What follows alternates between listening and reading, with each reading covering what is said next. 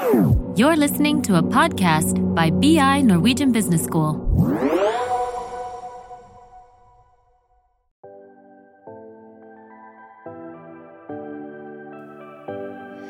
Velkommen til Karrierepraten, en podkast for karriereinspirasjon og innsikt i arbeidslivet fra Handelshøyskolen BI. Mitt navn er Sigrid, og i dag er jeg så heldig å ha med to ressurspersoner innen feltet HR og organisasjonspsykologi. Nemlig Siri Brenden Berg, som arbeider med employer branding, talent sourcing og recruitment hos Ikea. Og Elin Akre Trønnes, foreleser her ved Handelshøyskolen BI. Elin, kan ikke du først eh, begynne med å si noen ord om hvem du er?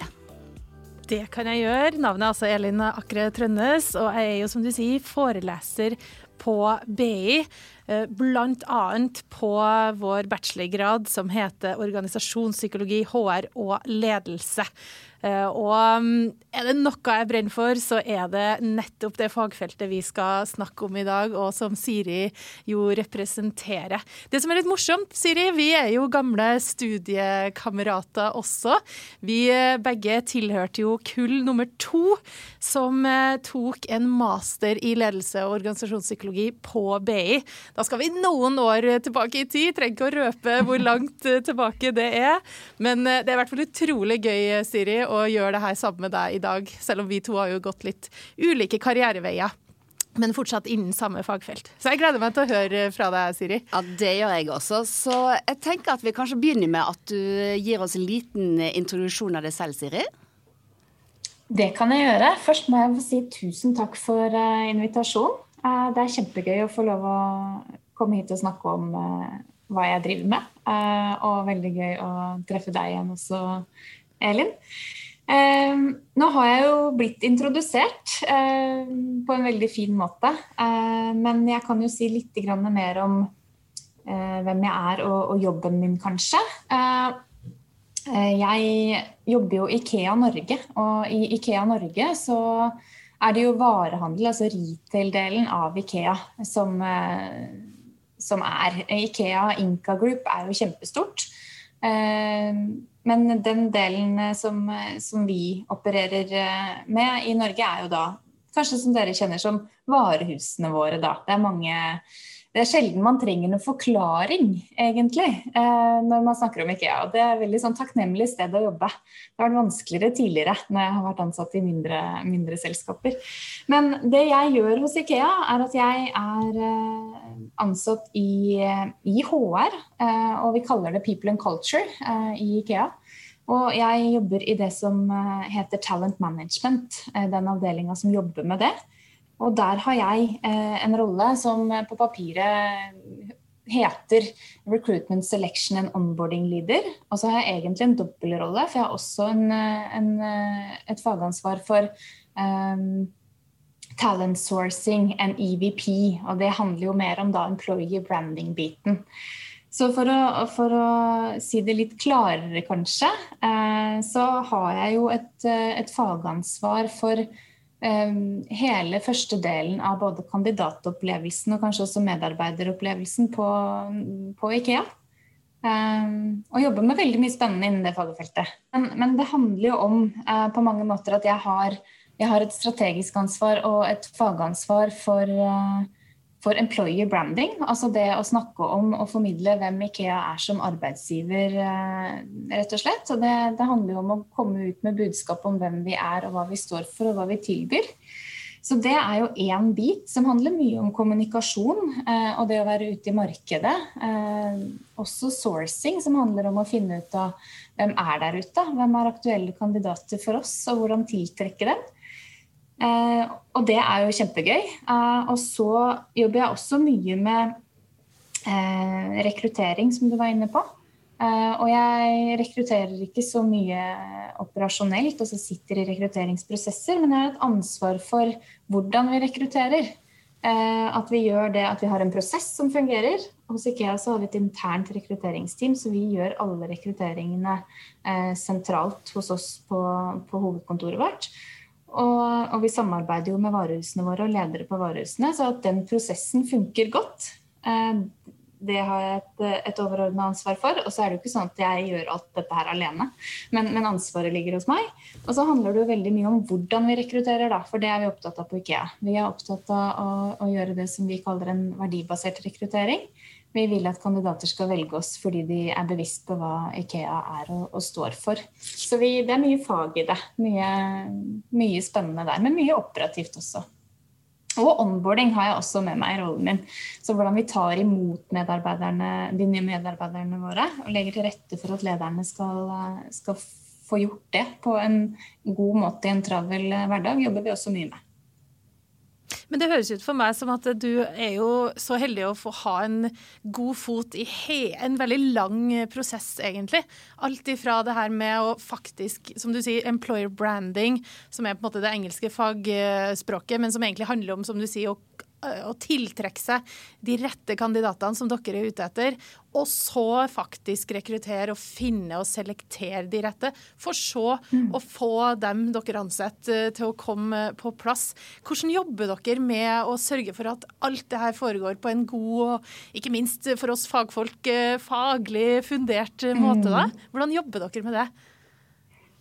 Du, vi ja, hvor skal jeg begynne? Eh, for eh, vi, vi, gjør jo mye. Det som kan være greit å vite om eh, Ikea og hvordan vi er organisert, er at vi har jo vi har Ikea Retail i Norge, men vi har en global matrise. Så i min rolle så har jeg en matriseorganisasjon som, som sitter i, i, Sverige, fordi det er, er, det mange av de globale funksjonene våre som gjør. Men de er igjen tilretteleggere, og også på mange måter de som er med på å utforme hvordan vi skal jobbe, hvilke systemer vi skal bruke. Eh, og, og fòrer meg igjen da, i min rolle, eh, og de som jobber sammen med meg, med både prosessoppsett, systemer, strukturer som vi igjen skal implementere og bruke i Norge. Så, så, det er mye som på en måte kommer til meg også. Og så må vi tilpasse oss det norske markedet da, og organisasjonen vår og, og de behovene vi har. Ja, kan jeg spørre så. om det akkurat det med For det er jo et internasjonalt uh, selskap med uh, Og Ikea er jo i alle land, uh, føles det som. Hvor stor forskjell er det på kultur, og hvordan spiller det inn på måten vi gjør ting her i Norge kontra Ja, du skal kanskje ikke lenger enn til si, moderlandet Sverige for at det er annerledes, liksom? Nei, det er klart at Dette her med, med nasjonalkultur det, det, vil jo alltid til en viss grad påvirke selskaper der vi opererer også. Men det som er ganske unikt med Ikea, det er jo nettopp verdigrunnlaget vår, vårt og, og, kulturen vår. Eh, for de fleste har sikkert eh, hørt om Ingvar Kamprad, som er grunnleggeren av Ikea. Mm. Og han, eh, han bygga opp et selskap som, som var fundert på et verdisett som vi har tatt med oss overalt når man ekspanderer eh, rundt om i verden. Så, så bedriftskulturen til Ikea da, eh, faktisk opplever jeg er relativt lik eh, i, i, mange markeder. Og jeg samarbeider med mange i forskjellige land som har samme rolle som meg, og vi møtes innimellom osv. Og, og vi har fått til noe, noe grunnleggende godt der, altså med å ta med oss både visjonen vår, verdiene våre, og også da når vi lever disse verdiene, så bygger vi jo en kultur. ikke sant? Når det er styrende, så, så får vi en viss grad av eh, vil jeg mene ganske, ganske lik eh, kultur i, i, mange deler av verden. Mm. Men så vil selvfølgelig eh, eh, kul, altså den nasjonale kulturen der vi er, påvirke noe. Så, så, det må vi navigere i. Men vi har med oss et fundament. da. Og det gjør at uh, det er uh, jeg, jeg, pleier å si det sånn at uansett hvor vi reiser i verden og, og treffer IKEA-kollegaer, mm. så er det, det er litt sånn samme type mennesker. Jordnære, nedpå. Eh, vi er opptatt av samarbeid. Mm. Det, det, er liksom det grunnleggende i, i IKEA-kulturen. Så hvordan finner dere disse menneskene? Du, vi er veldig privilegert. Vi, eh, vi, har veldig mange som er interessert i å jobbe i IKEA. Eh, og det er vi jo veldig glad for. Og det handler jo mye om at vi er et stort og kjent uh, merkenavn, tror jeg. Det er i hvert fall det kandidatene våre forteller oss. Og så handler det også om at Ikea står for innmari mye bra. I tillegg til å tilby interiørløsninger og selge møbler, så, så, har vi jo en visjon som handler om å skape en bedre hverdag for de mange menneskene. Og den bor det jo mye i. Og vi jobber bl.a. veldig aktivt med, med bærekraft. Vi jobber for å bli klimapositive i, i 2030 har veldig mye eh, tiltak vi iverksetter, som både initieres fra Ikea globalt, men også veldig mye vi gjør nasjonalt. Sånn at det er jo noe som appellerer til mange, mange i dag. Um, så er vi jo en arbeidsplass som er opptatt av å gi folk muligheter. Uh, i, uh, i, varehandel. Altså, Ikea har sju varehus, og så har vi et, uh, et hovedkontor som heter Service Office. Og det er egentlig veldig viktig å forklare det navnet litt. fordi vi server varehusene. Vi er tilretteleggere for varehusene. Vi er ikke noe hoved, vi er ikke noe viktigere enn noen andre. Ehm, men for å bruke en term som de fleste forstår, så er det jo et hovedkontor likevel. Og så har vi et stort kundesenter eh, med over 200 medarbeidere. Og sånn som kundeatferden endrer seg i dag, så blir det også en stadig mye viktigere rolle. Så de er også, også i endring. Men det som kanskje er litt unikt med varehandelen, er jo at både det at vi har veldig mange ulike fagdisipliner. Da er det kanskje studenter som hører på som studerer innen veldig mange forskjellige retninger. Eh, og så representerer jeg på en måte ledelse og organisasjonspsykologi med min fagbakgrunn. Men, men eh, på Ikea kan du gjøre veldig mye forskjellig. Og så har du også mulighet til å prøve deg på ulike fagområder. Og det er også noen som kommer til oss som, som, ikke nødvendigvis har så mye formell kompetanse med seg, men som kan bygge den hos oss. Så, så det gjør at vi er attraktive for veldig mange.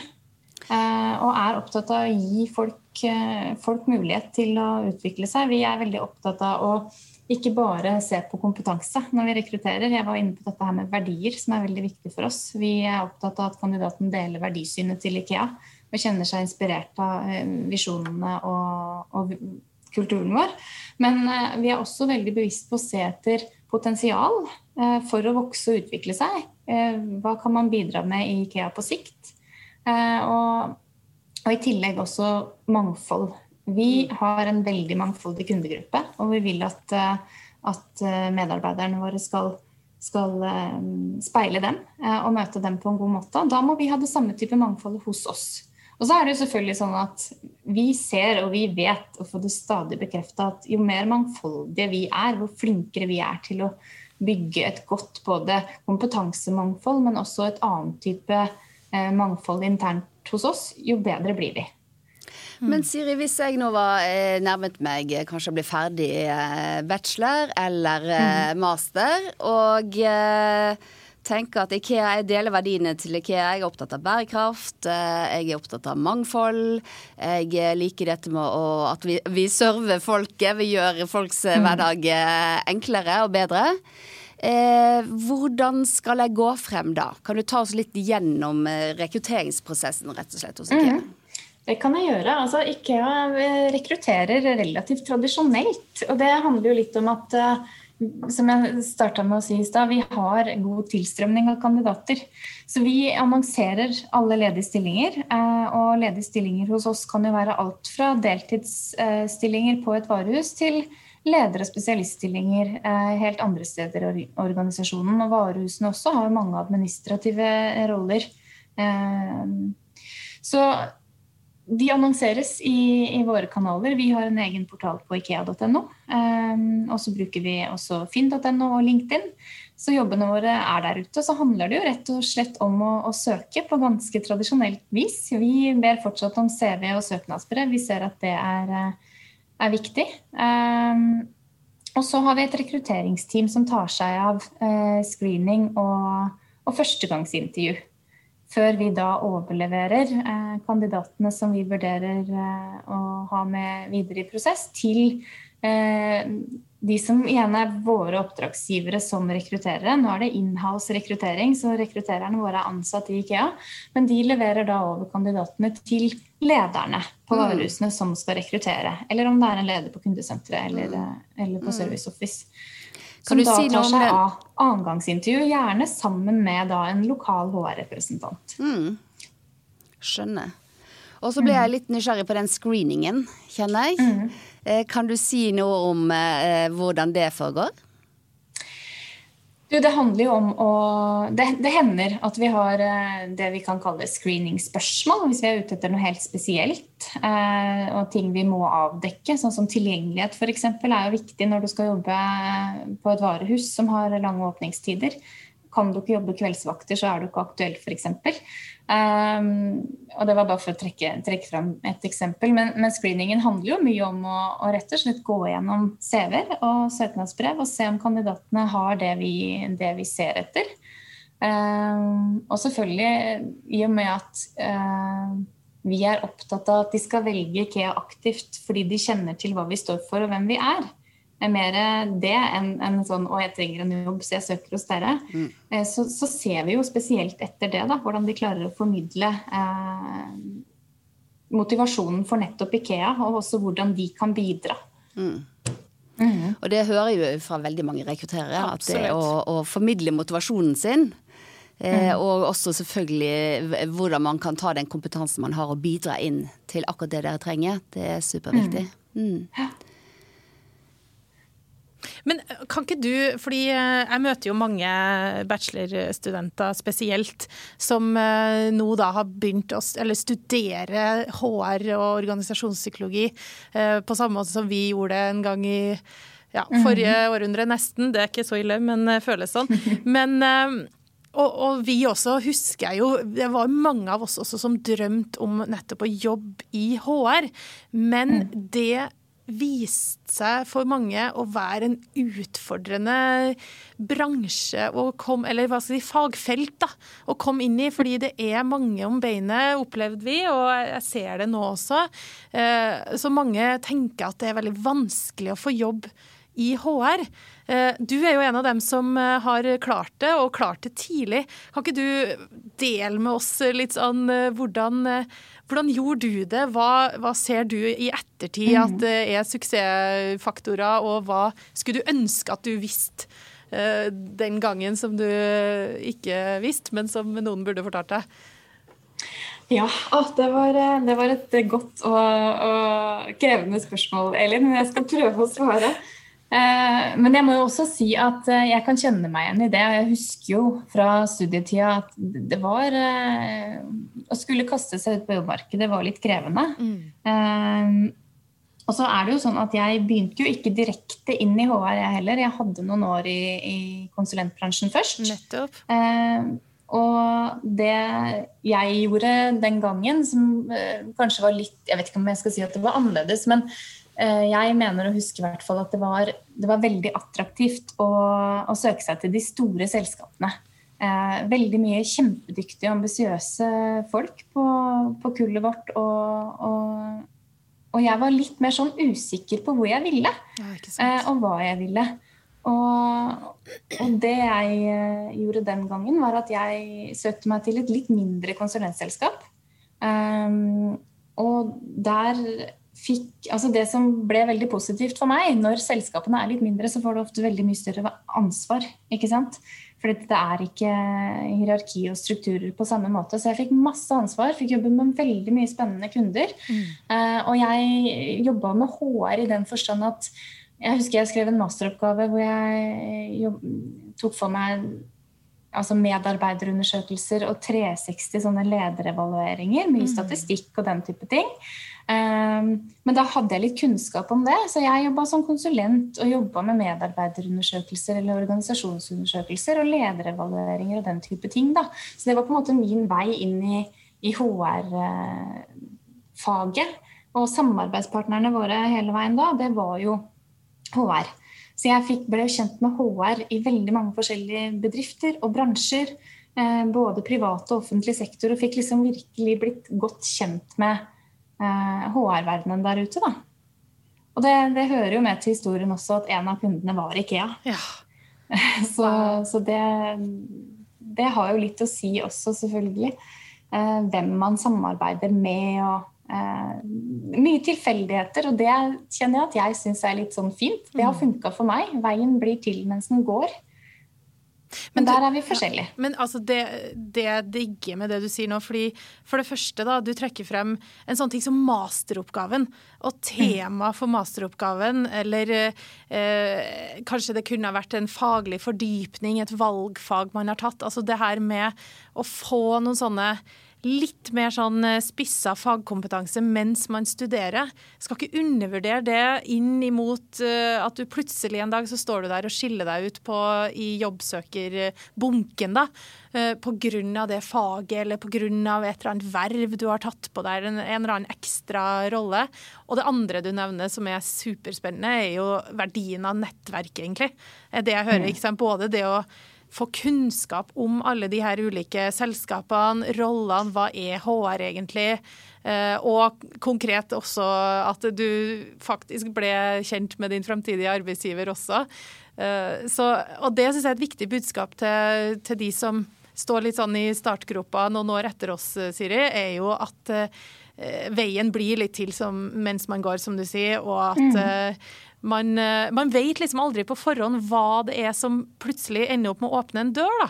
Om det er et internship du tar, eller om, om det er det der litt sånn spesielle valgkurset man fordyper seg i, eller valg av tema på en masteroppgave hvis man går så langt, osv. Og så tror jeg også at det er veldig lurt å være åpen eh, når man går ut på jobbmarkedet og tenke at ok, eh, all erfaring er god erfaring. Yes. Prøve seg på litt andre ting enn det en kanskje har, eh, har tenkt at en skal, fordi du bygger kompetanse. Uh, og det, litt som jeg var inne på, det ene fører til det andre. Så det, det tenker jeg er kjempe, kjempelurt. Uh, kanskje har man en drøm og et mål, og det skal man helt klart jobbe for å nå, men du må kanskje gå noen, noen andre veier for å komme dit enn du først hadde tenkt. Mm. Men kan jeg spørre om en ting om liksom, HR som fagfelt? For du har jo mm. eh, gjennom ulike roller, da, men, men i de Og det er, jo, det er, jo, en del år eh, siden vi gikk ut uh, dette studiet, så du har jo på en måte vært i det fagfeltet i ganske lang tid. Hva er de mm. store forskjellene som du merker i, i det fagområdet sammenligna med da du starta, liksom? Så jeg tenker jo at uh, da vi begynte å jobbe, Elin er vel, Vi får vel kunne si at det er vel sånn 15 års tid siden. Ja, det er det nå fort, ja. ja, det er det. Så, så, var jo Da opplevde jeg egentlig at HR var veldig et skifte mm. fra å være denne personalavdelinga som, uh, som, var veldig administrativ og tok vare på menneskene, mm. uh, til å bli en mye mer sånn strategisk forretningspartner da, i, i selskapene rundt om. Og så har nok den endringsprosessen eh, løpt litt ulikt i både bransjer og, og, og selskap rundt om. Um, men det er kanskje det som eh, jeg ser som den største forskjellen. Nå mm. er HR med der det skjer. Det er En av de viktigste funksjonene i enhver organisasjon, opplever jeg i hvert fall. Mm. Så, så, det er vel Ja, jeg tror det. Det er det vi peker på. Jeg er veldig enig, Siri. Og en av de tingene jeg pleier å si til studenter, er ta gjerne en kikk på organisasjonskartet. Hvem er det som sitter i toppledergruppa? Hvis HR er representert i toppledelsen, eh, det er en bra ting, liksom. For da er, da er, det i hvert fall et tegn på at denne organisasjonen eh, setter de her menneskelige ressursene, eller human resources, da, eh, på agendaen, som du sier, og er der det skjer, og er en strategisk forretningspartner. Eh, det, så det er sånn lite sånn enkelt tips. Jeg sier jo, Det er ikke sånn at hvis HR ikke er der, så er det nødvendigvis et problem. Men, men i hvert fall når HR er representert i toppledelsen, da, da får jeg litt sånn tommel opp med en gang, altså.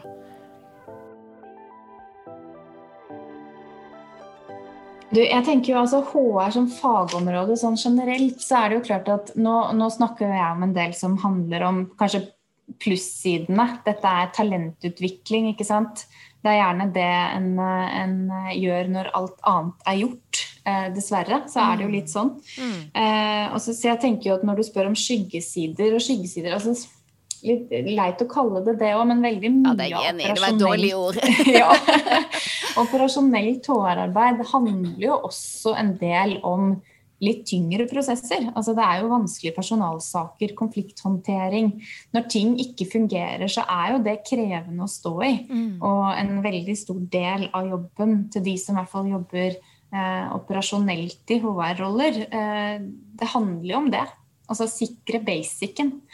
Eh, rett og slett Alle hygienefaktorene skal være på plass. Det skal bare flyte og funke. Og det er jo ikke alltid det gjør det. Mm. Eh, verken i store eller små selskaper. Så det, det, er alltid krevende. Men jeg tror at hvis du vil jobbe med HR, så må du også like det. da. Den, eh, kall det det blir feil også å kalle det kanskje problemløsningsbiten, men det, det å, å, rydde opp litt og bygge opp og, og, gjøre den delen også, det er jo kjempeviktig. Mm. Um, så du snakker om at du må også like det. Da blir jeg jo nysgjerrig på hvilke egenskaper er det som er viktig å ha når man skal inn i denne type fagfelt og, eh, og stilling? Altså, HR handler jo om mennesker. Så det å, å like folk, ha gode eh, relasjonsbyggende egenskaper, være interessert, genuint interessert i mennesker og hvem de er og hva de står for og hva de kan og hva de ikke kan, det, det, bør du ha med deg. Det bør du kjenne at det er noe som, eh, som ligger hjertet ditt nært. Eh, og så er jo kommunikasjon innmari viktig. Eh, for det handler jo om å nå fram, og nå fram med de budskapene du vil. Eh, og skjønne også hvordan du skal nå fram. Eh, for folk er veldig ulike i hvordan de, de tar imot eh, både jobbinstrukser og beskjeder og, og ja, egentlig det aller, aller meste. Så det å bygge gode kommunikasjonsferdigheter og være bevisst på det, det tror jeg er viktig. Eh, og så er det jo Arbeidslivet i dag er ganske travelt. Så jeg tenker at eh, det å være god på å strukturere Eh, og prioritere, det er, er, det veldig lurt å ha med seg og i hvert fall øve seg på. Det tenker jeg at man kan trenes i også. Og Apropos, kan jeg eh, skyte inn, Siri, det du sier der. fordi, uh, Og det er musikk i mine ører å høre du si det. Og er det noe studenter trener på, eller bør og har alle muligheter til å trene på, mm. så er det jo akkurat det du sier der med struktur, evnen til selvledelse, som er noe jeg snakker mye om. Eh, det å liksom ja, styre sin egen hverdag, og som også etter hvert blir en egen jobbhverdag. Eh, det er, jo, det er jo ting vi trener på mens vi mm. studerer også. Vi prøvde jo det, vi og Siri, så godt vi kunne, men eh, ja. Det, vi så det, Ja da, det, det, var travle tider. Det husker jeg veldig godt. Ja, så Det er kanskje noe av det man lærer av å studere også, er jo nettopp det med å ha mange baller i lufta og, ja.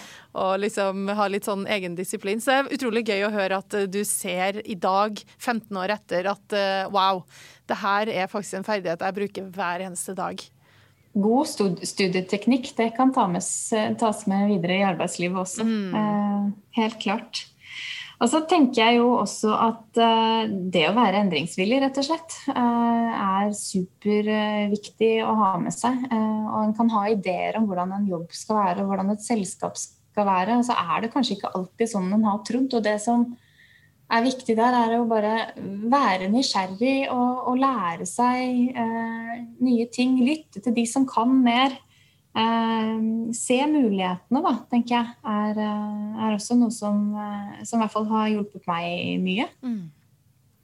Mm. Ja, for Det har vært gøy synes jeg, å høre når du forteller din egen vei. At uh, mm. det å være åpen for hva som kommer Noen som du sier er planlagt og har har mål, men det er ikke alltid at det går etter planen heller.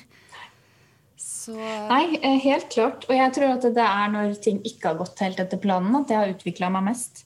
Så, så, det skal en egentlig bare være glad for. Og det, det tar du noen år før en skjønner. Mm. Og Siri, der har jeg lyst til å, å stoppe opp litt, faktisk. For der syns jeg ja. du sier noe utrolig interessant, altså. For du sier egentlig at det er faktisk de gangene det ikke har gått som eh, planlagt, at du har utvikla deg mest.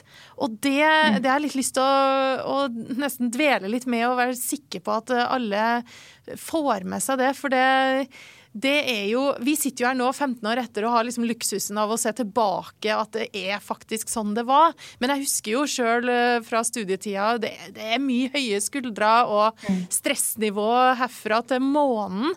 Eh, og man er gjerne redd for å gjøre feil, ikke sant? Ta feil valg. Eh, gå glipp av en mulighet. Hvis jeg velger dette, hva går jeg da glipp av? Uh, og vi ser det nå, 15 år etter, men når du står midt i det, så er det ganske Det er stress, altså.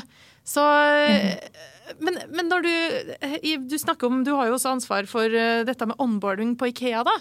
Hvordan tar du med deg den det verdisettet der inn i den jobben, og hvordan jobber dere med å skape den tryggheten for disse unge, kanskje nyutdanna, kanskje ny til Norge, eh, ansatte som begynner hos dere? Hvordan jobber dere med den tryggheten? Noe av det aller viktigste når vi jobber med onboarding på Ikea, det er jo at alle skal føle seg godt mottatt. Altså Så enkelt er det egentlig. Alle skal føle seg velkommen. Eh, at de betyr noe. At de er eh, valgt inn til en rolle fordi vi har trua på dem.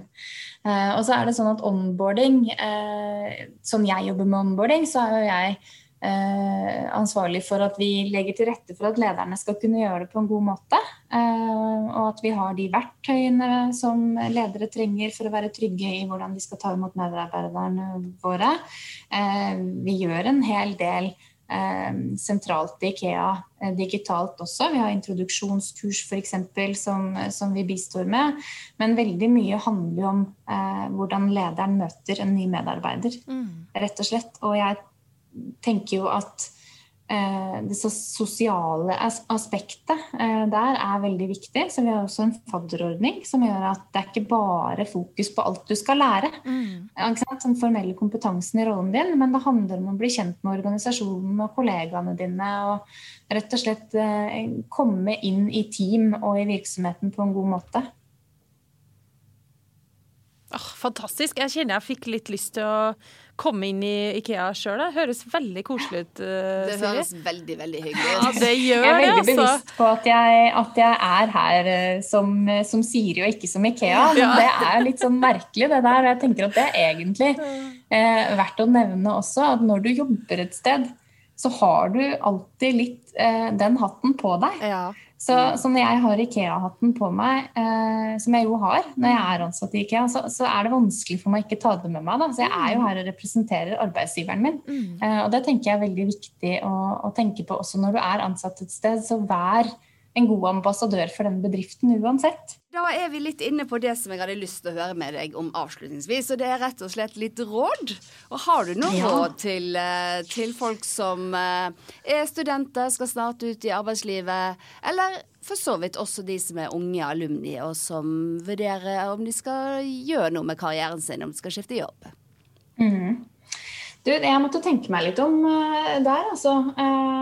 Men uh, jeg har vel vært inne på litt av det allerede. og for meg så er det viktig å, å, si at det er helt greit å ikke vite akkurat hva en vil, og hvor en skal. for veien blir til mens en går. All kompetanse du, du bygger, blir nyttig for deg på en eller annen måte. Og så får du bare jobbe målretta mot den veien du vil. Og det handler jo mye om Jeg tenker også det å, å, gjøre veldig mye forskjellig, så vil du også finne ut av hva du er god på.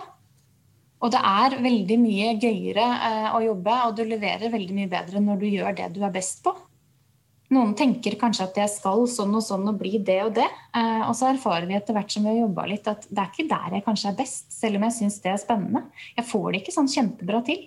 Da er det kanskje ikke det en skal drive med likevel. Mm. Så i, i, teamet vårt så sier vi gjerne at uh, der du har dine gaver, skal du ha dine oppgaver. Og den syns jeg er veldig fin. Kjenn etter hvor du er god, og, og prøv å jobbe med det.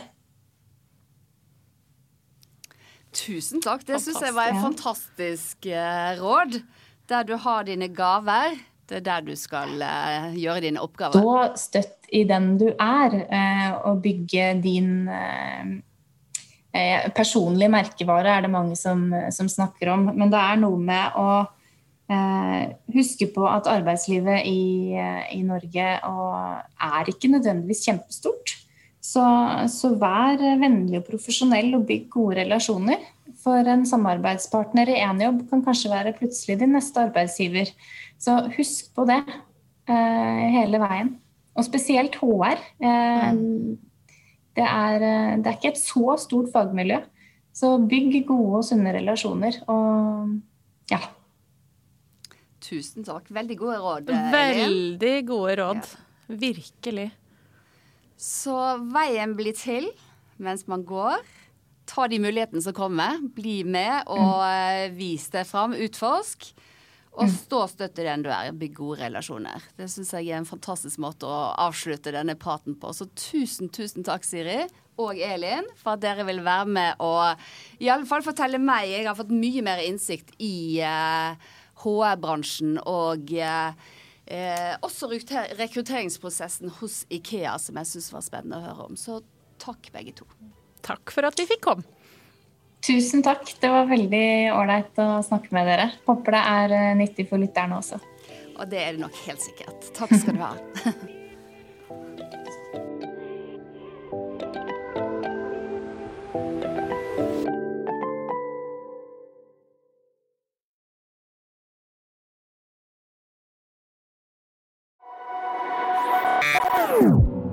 This is a BI production. Listen to more podcasts.